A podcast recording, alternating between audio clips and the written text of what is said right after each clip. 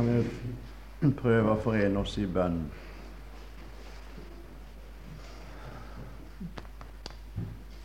Ja, gode Far og Frelser i himmelen, vi takker deg for det vidunderlige samfunn som vi får lov å eie med deg på forsoningens og frelsens grunn.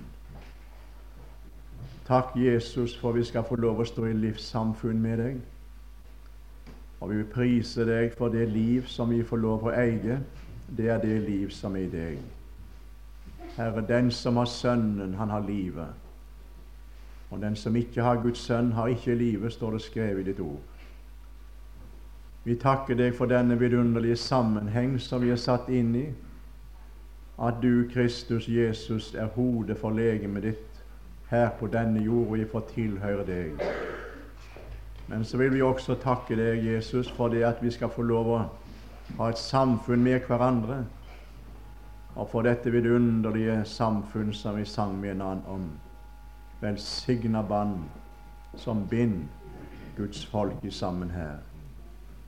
Og Herre, måtte det være slik som vi sang det her, at noen av oss lid, så gret vi andre med.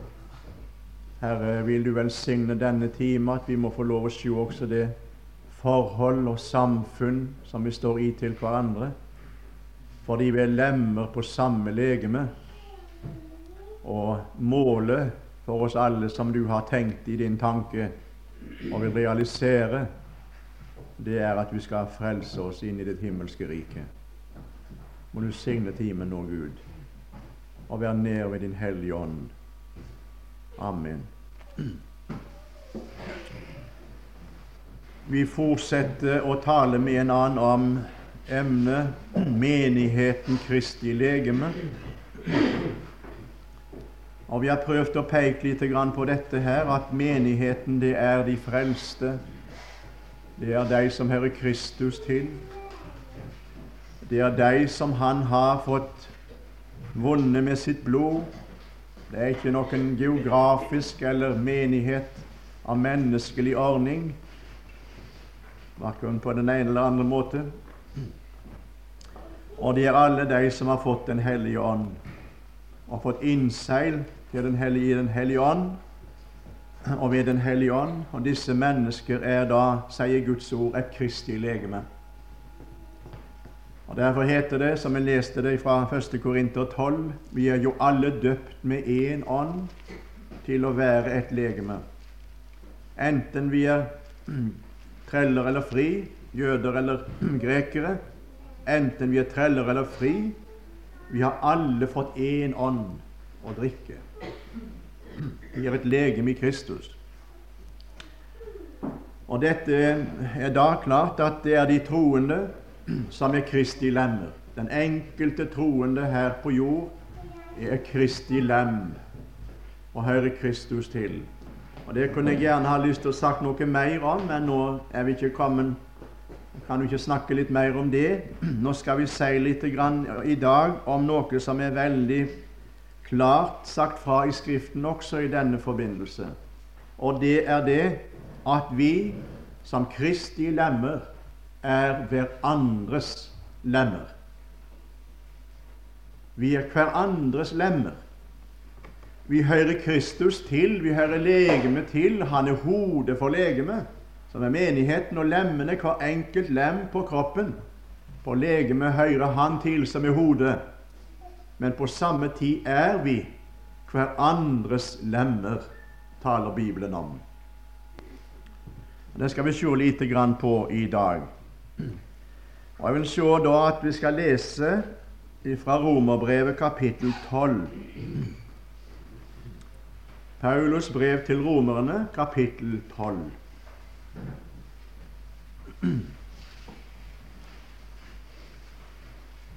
Og Vi skal lese der de fem første vers.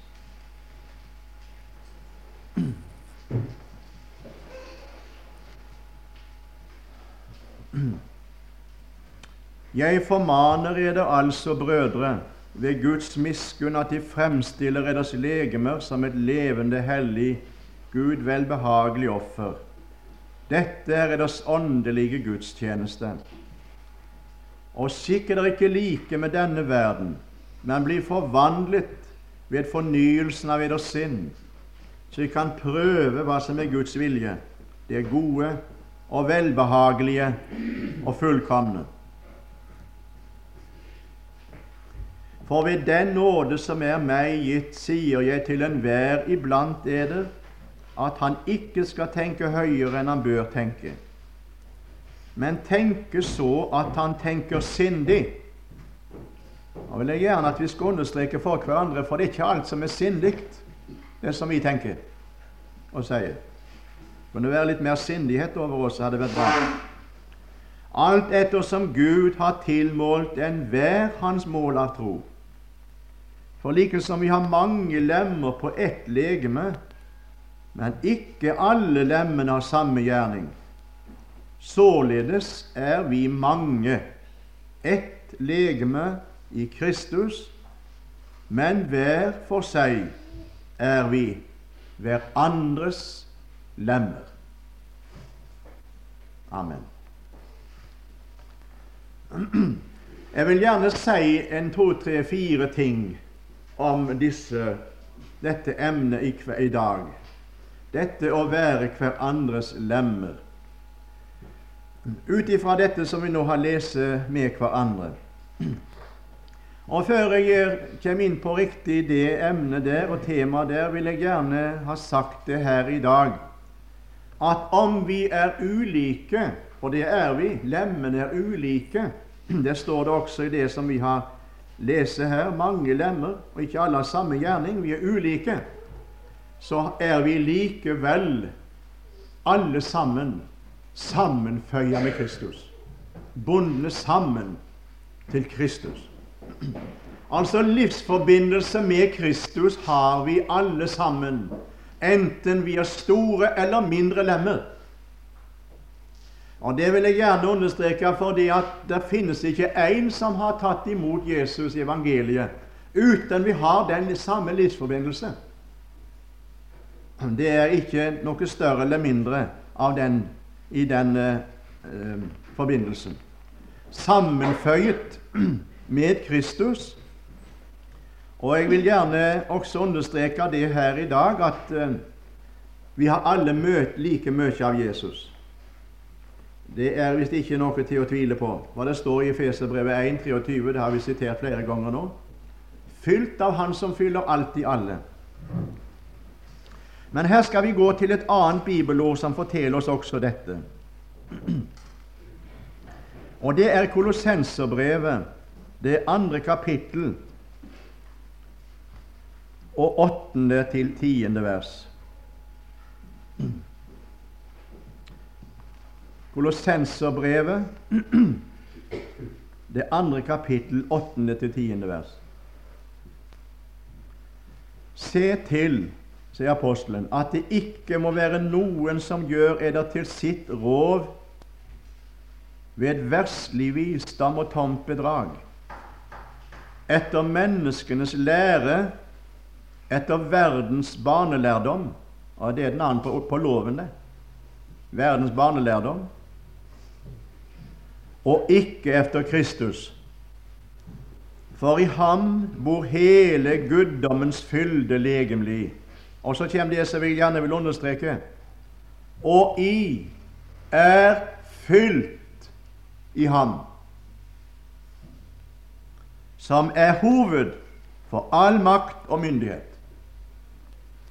Efeserbrevet 1,23 står det det at Kristus fyller alt og i alle. Det sier apostelen. Men han her i Kolossenserbrevet, kapittel 2 og vers 10, sier vi er fylt i Han. Altså Hans fylde i oss og, og, og, og vi i Han. Så det å være en kristen, det å være en troende menneske, det er å være fylt i Kristus. Og det står det her Han som er hoved for all makt og myndighet, som også Paulus sier i Feserbrevet 1. Hva betyr det å være fylt i Kristus? Jeg kan ikke se det på noen annen måte enn at Kristus har hele menigheten og alle de troende og frelste i sin person, der han sitter i himmelen. Vi er i Han. Og Jeg vil gjerne også få understreke det som står i Efeserbrevet 2. Dere kjenner til det, dere som leser deres bibel. Det er et vidunderlig avsnitt, synes jeg. Når det heter 'oppvakt med Han', satt med Han i himmelen i Kristus. Det å være frelst.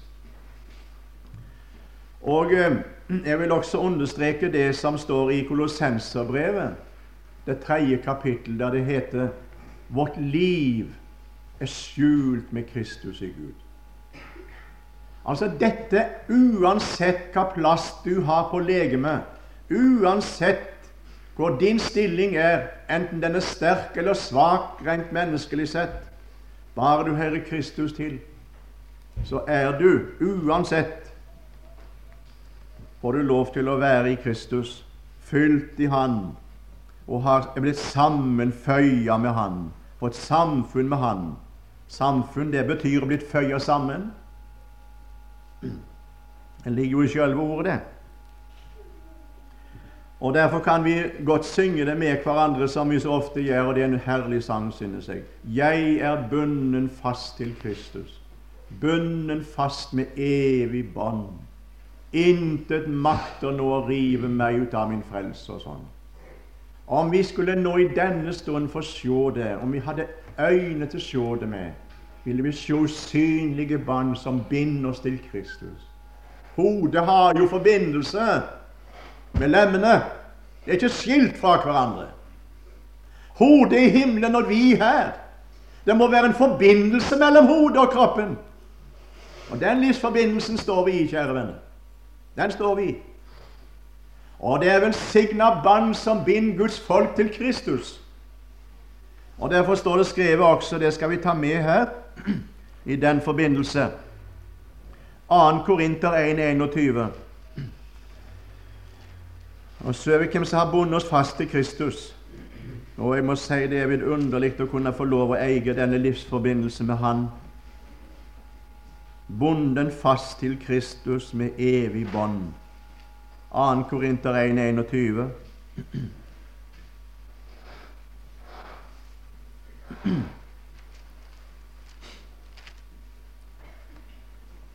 Men den som binder oss til like med eder, fast til Kristus Og jeg vil gjerne si det er vidunderlig og bonden fast til Kristus med usynlige, evige bånd. Som binder oss til like med eder. Altså her er alle like. Eh, fast til Kristus, og som salvet oss, det er Gud. Og går vi til Efeserbrevet 4, 16, så står det det at Gud har eh, bundet oss fast og, vi får lov å tilhøre Han som legeme. Efeserbrevet 4,16, der står det òg av hvem hele legemet sammenføyes og sammenknyttes ved hvert bånd som Han gir. Jeg vet ikke om det er gått riktig opp for oss alle som er her i dag. Jeg er ikke sikker på det, jeg kjenner ikke til det. Men det burde vel gjerne gått mer opp for oss for en vidunderlig stilling vi har. Og Det er ikke for ingenting at Luther en gang skal ha sagt det, at hvis det gikk opp for en troende hvor stort det var å være frelst, ville han dø av glede. Hvis det gikk opp med hele sin fylde. For tenk at vi er bundet fast til Kristus. Vi står i livsforbindelse med Kristus som hodet står i livs, eller forbindelse med legemet og, og, kroppen og lemmene. Og han er fylt i oss, og vi er fylt i han. Det samme liv som er i Kristus, har vi i oss på denne jord. Han er den levende, og han lever i oss. Paulus sier det i Galaterbrevet 2. Kristus lever i meg. På samme tid så lever jeg i Han. Det er en livsforbindelse. Kan jeg få lov å si en dobbel fylde? Vi, han er fylt i oss, vi er fylt i Han. Og nei og nei, for en herlig, en herlig forbindelse. Dette gjelder alle, uansett størrelse på lemmen. eh, eller hvordan den måtte være på, plassert på legemet. La meg få si det i dag også. Du, Kristus er lik for alle. Han er det samme for alle. Det er ingen, ingen personsanseelse hos Kristus. Å, du er like nær og like kjær, enten du er en liten lem eller du er en større lem på Kristi legeme på jord. Du har samme livsforbindelsen, og han vil berge sitt legeme. Men så kommer vi til det andre, og det vil vi gjerne få understreke for hverandre her i dag. Og dette måtte være sant for oss alle når vi står i denne sammenheng som vi nå prøver å tale med annen om. Og det er det at lemmene som er plassert på legemet, Kristi legeme, har omsorg for hverandre. Derfor heter det 'vi er hverandres lemmer', heter det her i Romerbrevet kapittel 12. Og det betyr jo at Og det ser vi av legemet vårt. ikke sant? Vi kan ta bare da se på kroppen vår, legemet vårt. Hvor de har omsorg for hverandre. I minste detalj. Er det ei flis kommet inn i fingeren, så står ikke hodet og ser på det. Nei, da er fingrene på den andre hånda borte og skal ta ut flisen. Vi må jo hjelpe hverandre. Vi har omsorg for hverandre. Og vi er slettes ikke og vi er slettes ikke uh, likegyldige. For venner, det er så sant, og vi kommer litt inn på det også her Det er klart at når en lem får en eller annen skade, så er hele legemet i fare. Det vet vi. Hvis det blir blodforgiftning i den fingeren, og det, den blodforgiftningen går til hjertet, så er, er legemet i fare. Og Derfor vet vi det at når én lem har skada seg, og én lem har kommet inn i vanskeligheter, ja, så er de andre lemmer der. Og det må, det må helbredes, det må hjelpes. Og vi har omsorg for hverandre. Slik har vi det i vår kropp. Og slik skal det være i Kristi menighet òg. Den fingeren som jeg talte om i går, som var innenfor, utenfor den med, med hunden som ble beten. Jeg tok omkring han med en gang. Tok omkring han. Og det var, så, det var så om å gjøre få omsorg for den fingeren som ble bitt av hunden. Er det slik i Kristi menighet? Tenk om vi gjorde slik da når en, en finger eller en lem hadde skada seg, så, så, så, slår en. Du kunne passe deg. Hva slags tull er dette her du finner på? Nei, omsorg. Omsorg. Og jeg må gjerne si deg det i dag, kjære troende venn. Jeg veit ikke om du vil ta imot det. Det er ikke så enkelt og lett å ta imot dette her. Jeg har inntrykk av det at dette med lemmen og legemet innbyrdes for hverandre, det er, det er, veldig vanskelig å tale med kristne mennesker om. Vi er være oss sjøl. Jeg vil være meg sjøl. Og vi har fått et sinnelag som skulle være slik vi skulle ta seg av hverandre. Men jeg er så opptatt med meg sjøl. Og hvor jeg er opptatt med meg sjøl. Bare jeg har det godt. Nei, vi skulle sannelig ta oss av hverandre. For slik er det i legemet som vi har fått eh, å være i her på jord, og slik skulle det være med legemet også i Kristi legeme. Eh, I 1. Korinter 12 Jeg leste litt fra det i går. Der står det i 23. vers og 24. vers. Jeg skal ikke kommentere dette her, for det, det er vanskelig. Men det står ned, ned eller andre del av det 23. vers. Der står det Og de lemmer som vi blues ved, den kler vi med større bluferdighet. Men våre edlere lemmer trenger ikke til det men Gud satte legemet sammen således at han gav den ringeste størst ære. Ja, Er det ikke slik? Har ikke, har ikke, ikke legemet lemmene omsorg når, når, et menneske er, er bluferdig, og det er ubluhet Ikke bluferdig, men ubluhet. Så kler vi oss Vi er ikke, så, vi er ikke, vi er ikke så, vi, vi, er veldig nøye med det at vi ikke må skjemme oss ut. Og de lemmer som er mindre, mindre Som han sier det her De kler vi med større bluferdighet. De andre lemmer er med og kler på den lemmen og de lemmer som vi skjemmes ved.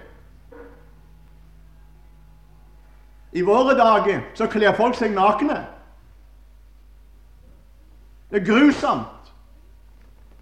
Og det blir mer og mer. Det er ikke bluferdighet lenger. Det er splid i legemet, da. Det har iallfall vi fra syndefallet. Det har iallfall vi fått ifra Adam.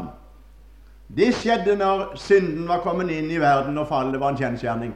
Da kledde han seg, både han og Eva. De kledde ikke av seg. De sto ikke nakne. Men de fikk fikenblad og hadde omkring for å skjule sin skam. I våre dager ser det ut for det motsatte. Borte ved Oslofjorden har de det store problemer på badeplassene. Ofte må de rapportere til politiet. Det er folk, de, de bryr seg ikke lenger. Og så måtte Gud kle på Adam og Eva idet han slakta en et dyr og tok skinn og lagde til kledning. Slik skulle det være. Og slik er det vel også. Vi kler oss. Og jeg vil gjerne si det måtte være fryktelig, og det, jeg synes det der er vondt. Og hvor lett vi har for det. Vi skal visst ikke, eh, vi skal visst ikke kaste stein, for vi sitter vel i glasshus noen hver.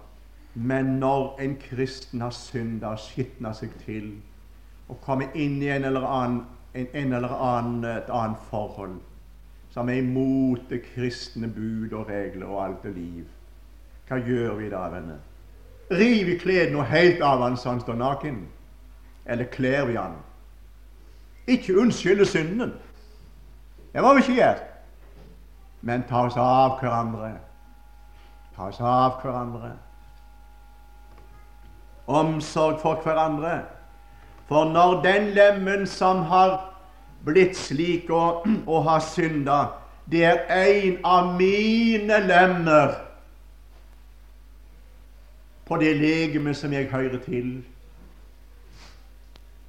Vi skal ikke henge synden ut og fortelle og snakke om det når troende, troende mann eller kvinne har falt i et eller annet.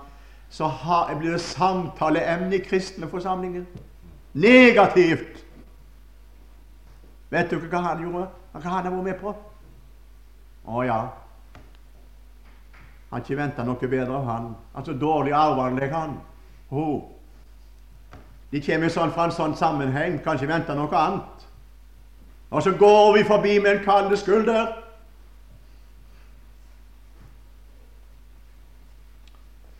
Ser du en bror eller søster som falt, gå ei med dom forbi.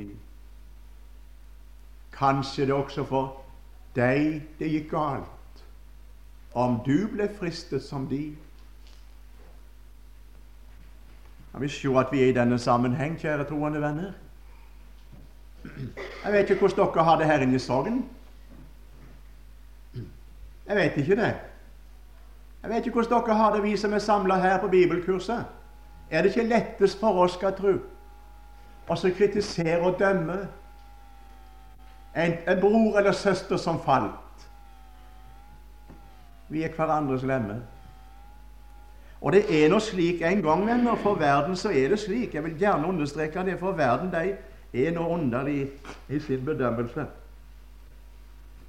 Men eh, det er vel slik at verden mange ganger de, eh, de kjemper alle med en kamp, og så sier de vel, vel De kristne er slik, de.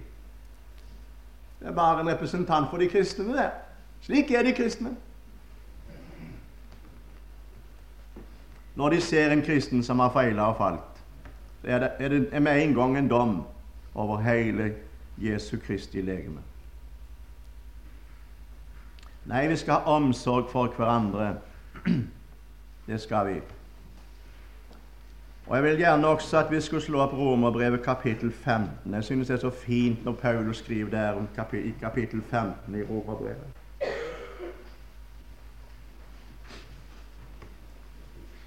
Og hvor fint den sjelesørgeriske tanke, den store lemmen på Kristi legeme, den mektige, sterke lemmen Paulus, for han var nemlig sterk for så vidt, enn å være skrøpelig i seg sjøl. Så sier han 'vi som er sterke'. Legg merke til det. 1, vers 1. Vi som er sterke, er skyldige til å bære de svake skrøpeligheter og ikke være oss selv til behag. Enhver av oss være sin neste til behag, til hans gagn og til oppbyggelse.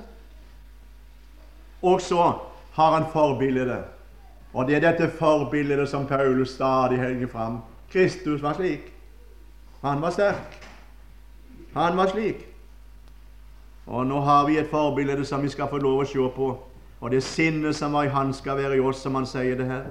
For Kristus levde heller ikke seg selv til behag når han vandrer her nede på jord, men som skrevet er deres hån som hånte deg, fall på meg. Deres hån som hånte deg, fall på meg. Altså Kristus fikk oppleve den hån som falt på oss. Den falt på ham. Hvorfor det, da? Jo, for han gjorde seg identisk med den vesle flokken. Han sa 'det er mine venner', 'det er mitt folk', 'det er mine lemmer'. Og jeg akkurat i samme forbindelse som de.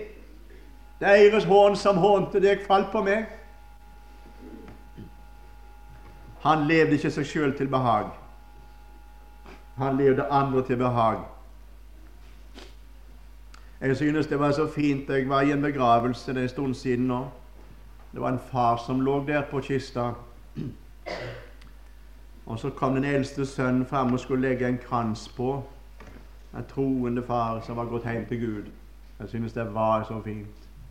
Når han stiger fram der ved båret, så sa han idet han la kransen på Takk, far, sa han. Jeg liker ikke når de snakker slik, at de sier, snakker til vedkommende som ligger på båret, for den, den kan du ikke høre. det. Men han gjorde nå likevel det. Takk, far, sa han, fordi du levde for mor og oss barna. Og det er sant, det gjorde han. Hele dagen. Han tenkte på å gjøre heimen koselig og god. Økonomien. Han arbeidet dag og natt, og han hadde bare én ting, og det var det å være til behag for familien sin og hjelpe deg, omsorg for deg. Og så står han der ved båret og så sier han takk, far, for du levde for oss for mor og oss barna. Hvis noen har levd på denne jord for ikke levd for seg sjøl, men for oss, det, så er det Kristus. Han levde ikke seg sjøl til behag. Han levde til gang for oss, kjære venner. Derfor har vi i godt selskap når vi lever for hverandre. Lemmene har omsorg for hverandre. Det er slik står det i Bibelen vår. Og i kapittel 15 i Romerbrevet også, vers 7 I Romerbrevet 15, vers 7 og vers Ja, det står i vers 7, ja. Derfor ta eder av hverandre, like som òg Kristus tok seg av eder til Guds ære. Ta eder av hverandre liksom Kristus tok seg av eder til Guds ære.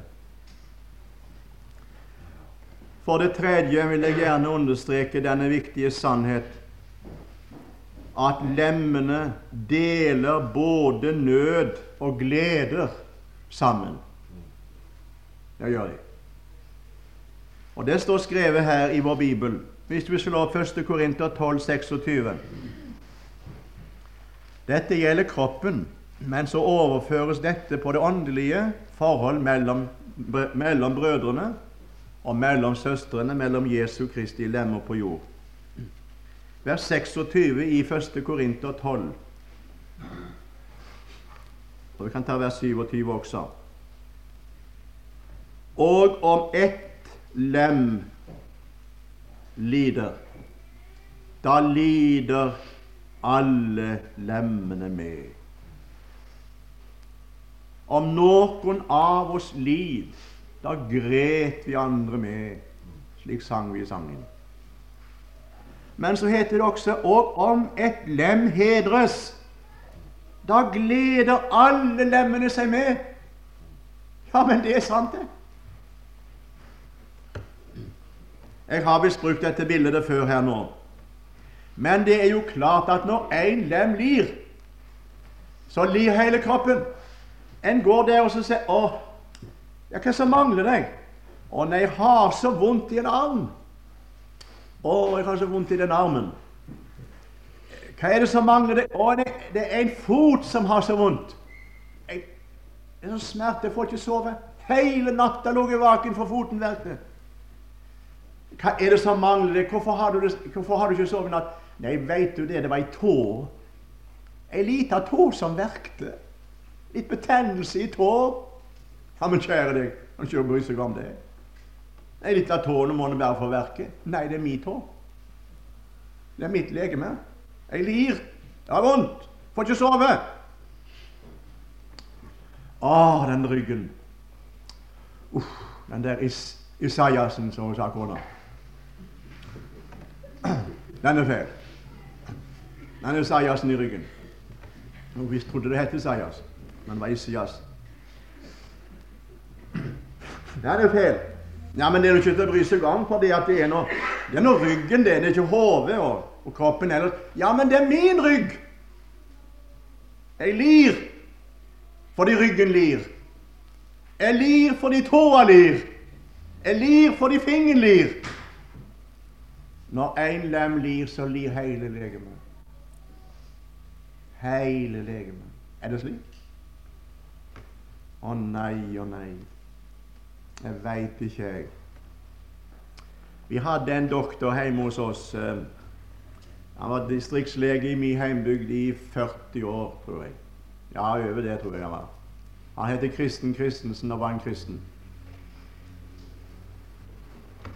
Ja, det var han. Sannelig hadde Kristen Christensen navnet, og han var en kristen òg. Men du, hvor fin han var. Han var lege. Men han var ikke bare lege for legeme. Men når han, pasientene kom, og det var troende mennesker som kom til ham, så kom de til hans sjelesorg. Og mer enn én en gang fikk han hjelpe mennesker, inn, også i døden. Han satt på sengestokken og så sa han, 'Jeg kan ikke hjelpe deg lenger med noe medisin.' Det er ikke mulighet lenger. Det går så og så lang tid, og så må du ut av livet. Så snakket han med dem om disse verslige mennesker, så han fikk be til Gud med dem. Og Jeg vil gjerne si noe om mange troende mennesker som kom ut fra det doktorkontoret. Og vel hadde de fått hjelp medisinsk, men en vidunderlig hjelp hadde de fått. Han tok seg alltid tid, og Bibelen lå på bordet sammen med medisinglassene. Der lå han. Så tok han den slitne Bibelen og så leste han for pasientene. Og så lei han sammen med dem. Han var i nød for dem, ikke bare legemlig. Men hvor liten han var i seg sjøl, ja, det vet alene Gud. Når han sto på talerstolen Han talte ofte i bedehuset hjemme hos oss søndag formiddag. Og, han kom alltid dragende med Hopes eh, bok, Hopeboka der han leste om søndag formiddag en preken av Ludvig Hope, som han sa. Jeg husker som liten gutt jeg satt ved siden av han mange en gang på bedehuset, for jeg spilte orgel. Og Da satt jeg ved siden av han, og jeg husker hvis det var en sang som var god, som var til oppbyggelse Når vi sang i sangboken, så sa han, eh, lener han seg bort til meg og så sa han, du Henrik, du må brette inn den sangen der, for den var så god. Den kan komme deg til hjelp siden. Sjelesorg. Hjelp. Når én lem lir, så lir hele legemet. Det var noen kolossale, sterke hender han hadde, han der. Han løfta 50 kilo, 100 kilo. Å, fy deg. Det var ikke meg som gjorde det, sier foten. Nei, det er misunnelse. Er det slik? Sier foten det at det var ikke meg som gjorde det med hånda løftet? Og når det gikk det godt? Nei. Da sier foten det det var, det var min hånd. Det var jeg som gjorde det. Det er mitt legeme som presenteres. Når idrettsmannen kan bruke sine føtter og springe mil etter mil og vinne prisen, så gleder hele legemet seg med. Og det skulle bare mangle at hendene skulle si det bryr jeg meg slett ikke om. Det var jo ikke jeg som, det var, jeg ikke, det var ikke jeg som gikk. Og hendene kan ikke være føtter, og føttene kan ikke være hender, men de gleder seg sammen. Ja, slik skulle det være også i Jesu Kristi legeme. Og slik er det vel, troende venner. Når én lem lir, så lir hele legemet. Og når én lem hedres, gleder alle lemmene seg med. Slik skulle det være. Og vi har så grunn for å be om tilgivelse fordi at vi er så misunnelige på hverandre. Å nei, å nei, det arme, bedragelige hjertet som vi har. Å, vi er så misunnelige. Jeg vil gjerne si dere det troende venner, vi må ikke misunne hverandre. Vi må ikke det. I Guds rike skal det ikke være misunnelse. Vi skal glede oss når en annen har mer lys i Guds ord enn jeg har. Vi skal glede oss over når det går en annen bedre i hans åndelige liv enn det gjør meg. Vi skal ikke misunne. Vi skal glede oss med den lemmen som blir hedra. Og vi skal li med den lemmen som lir. Slik Gud, har Gud sett det inn, for slik er Han i sitt sinnelag ovenfor hverandre. Ovenfor oss. Og videre vil jeg få lov å nevne en ting til, et par ting til. Og det er dette som også vi må understreke når vi snakker om hverandres lemmer. Det er det at lemmene samarbeider. Jeg kan ikke samarbeide med en som ikke er lem på Kristi legeme. Kan ikke det. Og jeg, jeg vil si det her i dag at eh, det er, er mange som jeg synes det er veldig Ja, hva skal jeg si? De, de tar det veldig lite nøye med det. En kristen skal jo ikke blande seg med verden. Han skal ikke gå inn i samarbeid med verden, men det blir gjort. Hvordan kan en kristen samarbeide med verden? Med verslige mennesker? Ja, men Da heter det vi er dømmende. Og vi skiller oss ut. På en av våre læreanstalter her i landet, jeg vil ikke se hvor det var henne, der sto rektor fram og talte til elevflokken, studentene, lærerne som skal bli lærere der. Og Så sto han der og så sa nå må ikke dere som er kristne som er kommet hit til skolen, skille dere ut, sa han. Nå må dere gå inn iblant de andre elevene og være sammen med dem. På dans og fest og kino. Det skal ikke være kristen og så deler dere opp på den måten der og gå og ha deres egne møter. Men dere gå inn og være lag med de andre. Jeg er så glad fordi at eh, det var noen, noen uh, kristne uh, elever der, studenter der, som sa nei. Og Så ringte de en dag til meg også i Bergen, og så spurte de vil du komme til lærerskolen vår og, og holde bibeltime ut fra Romerbrev 8. Så sa jeg ja, det skal jeg gjøre. Så fikk vi samla den flokken der. Herre Jesus til. Og de trang hjelp, du. Og de trang hjelp. Så kunne jeg samarbeide med deg og hjelpe deg. Nei, vi skal samarbeide med deg som hører Jesus til og lemmer på Kristi legeme. De samarbeider vi med men ikke med døde lemmer, om ikke hører Kristus til. Efeserbrevet 4, 11, 12. Det kunne vi nå bare slått opp. Og der har vi det vel òg. For her er samarbeid nemlig imot et mål. Og Hvis det ikke er det målet, kjære venner, så må ikke gå inn i samarbeid. Skikker dere ikke lik med denne verden, sier Paulus i Rombrevet 12. Og Hvis ikke dere er med på den og, og går imot dette mål som står her i Efeserbrevet 4,12, så må vi slettes ikke gå inn i det samarbeidet. For det er Han som gav oss noen til apostler, noen til profeter, noen til evangelister, noen til hyrder og lærere. Noen har fått disse oppgavene. Hyrder og lærere, evangelister. Hvorfor? For at de hellige kunne bli fullkommengjort til tjenestegjerning, til Kristi legemes oppbyggelse.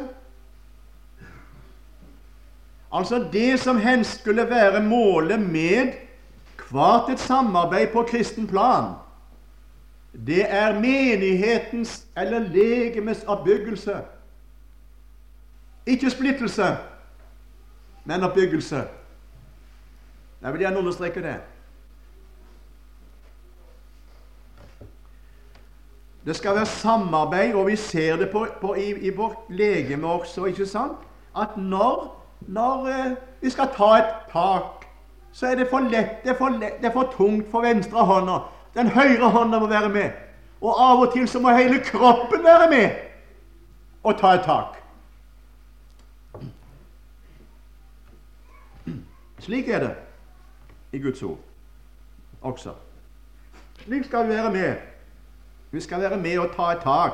Vi skal samarbeide med hverandre. Og endelig til slutt vil jeg understreke her, og det må jeg da skynde meg med, nemlig at lemmene de skal vokse sammen. Vi vokser sammen. Når en lem ikke vokser på et legeme, på en kropp, er noe galt. Jeg vet om slike personer. Jeg har møtt slike. Det var én lem som ikke vokste. Det var til sorg og nød for vedkommende person. Nei, vi skal vokse.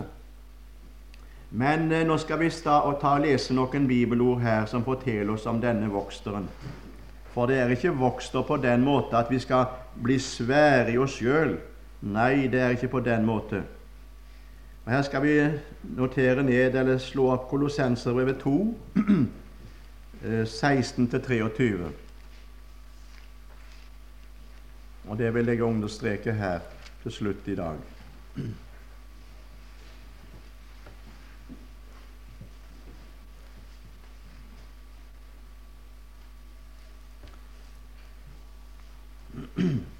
Kolossenserbrevet 2, 16-23 og Efeserbrevet 4, 13-16. Kanskje vi kan ta Efeserbrevet først?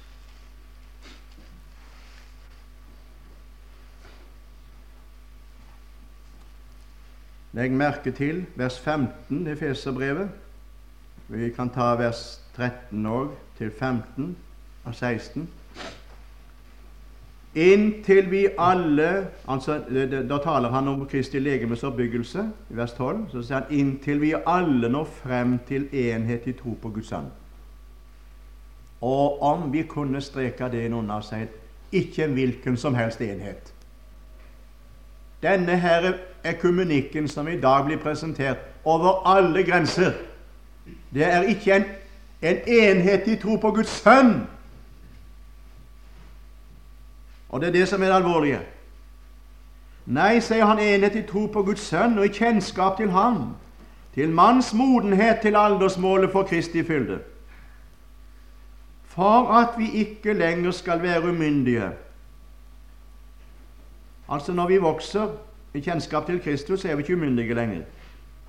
Og la oss kaste og drive om av ethvert lærdomsvær ved menneskenes spill ved kløkt i villfarelsens kunster, men at vi, sannheten tro i kjærlighet, i alle måter skal vokse ham opp til ham som er hovedet Kristus. Det er en, et, en kjennskap til Kristus vi skal vokse i. Vi skal vokse opp til Han som er hovedet, og bli større, mer kjent med Han. At ikke vi skal bli kasta hit og dit av enhvert lærdomsvær, sier apostelen. Og Her skal vi også se Vi kunne godt ta stans lenger ved det, men nå har tiden gått. Kolossenserbrevet 2, 16-23. Jeg syns det er klare ord, uten at jeg kan kommentere det. og understreke det så mye. La derfor ingen dømme eder for mat eller drikke, eller i spørsmål om høytid eller nymåne eller sabbat. Disse ting er en skygge av det som skulle komme. Og Det er det som også vi hørte om her i bibeltimene til Bjerkreim. Det er skyggebare.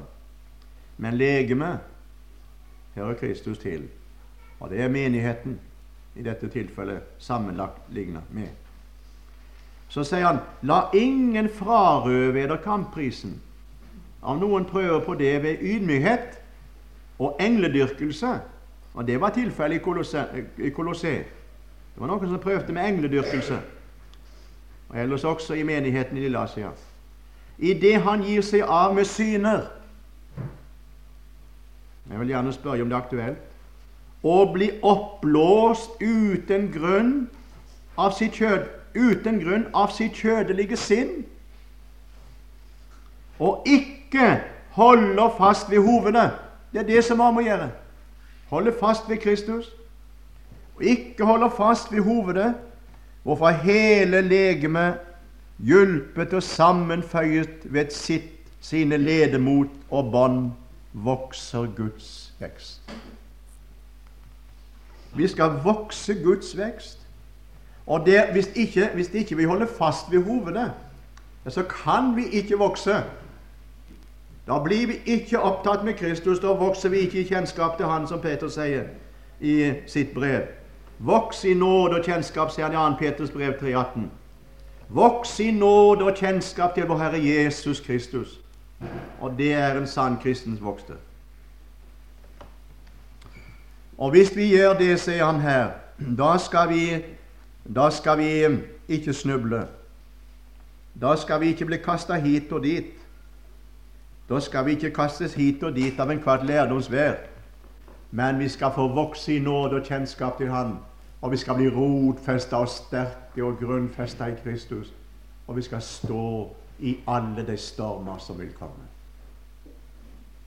Voksende lem på Kristi legeme er en som får Kristus øre han vokser opp til Han som er hovedet.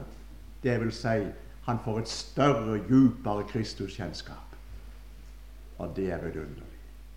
Å, hvor glad jeg er for jeg får lov å, å leve med Kristus og, og få kjenne den åndelige voksteren i mitt liv, men som gjør at jeg sjøl blir redusert.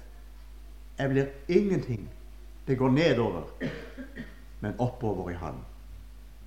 Og Det er som Bjørtjo sammen som Welhaven skriver om i sitt dikt, som står ved, ved sjøen og, og vannspeilet ganske nær.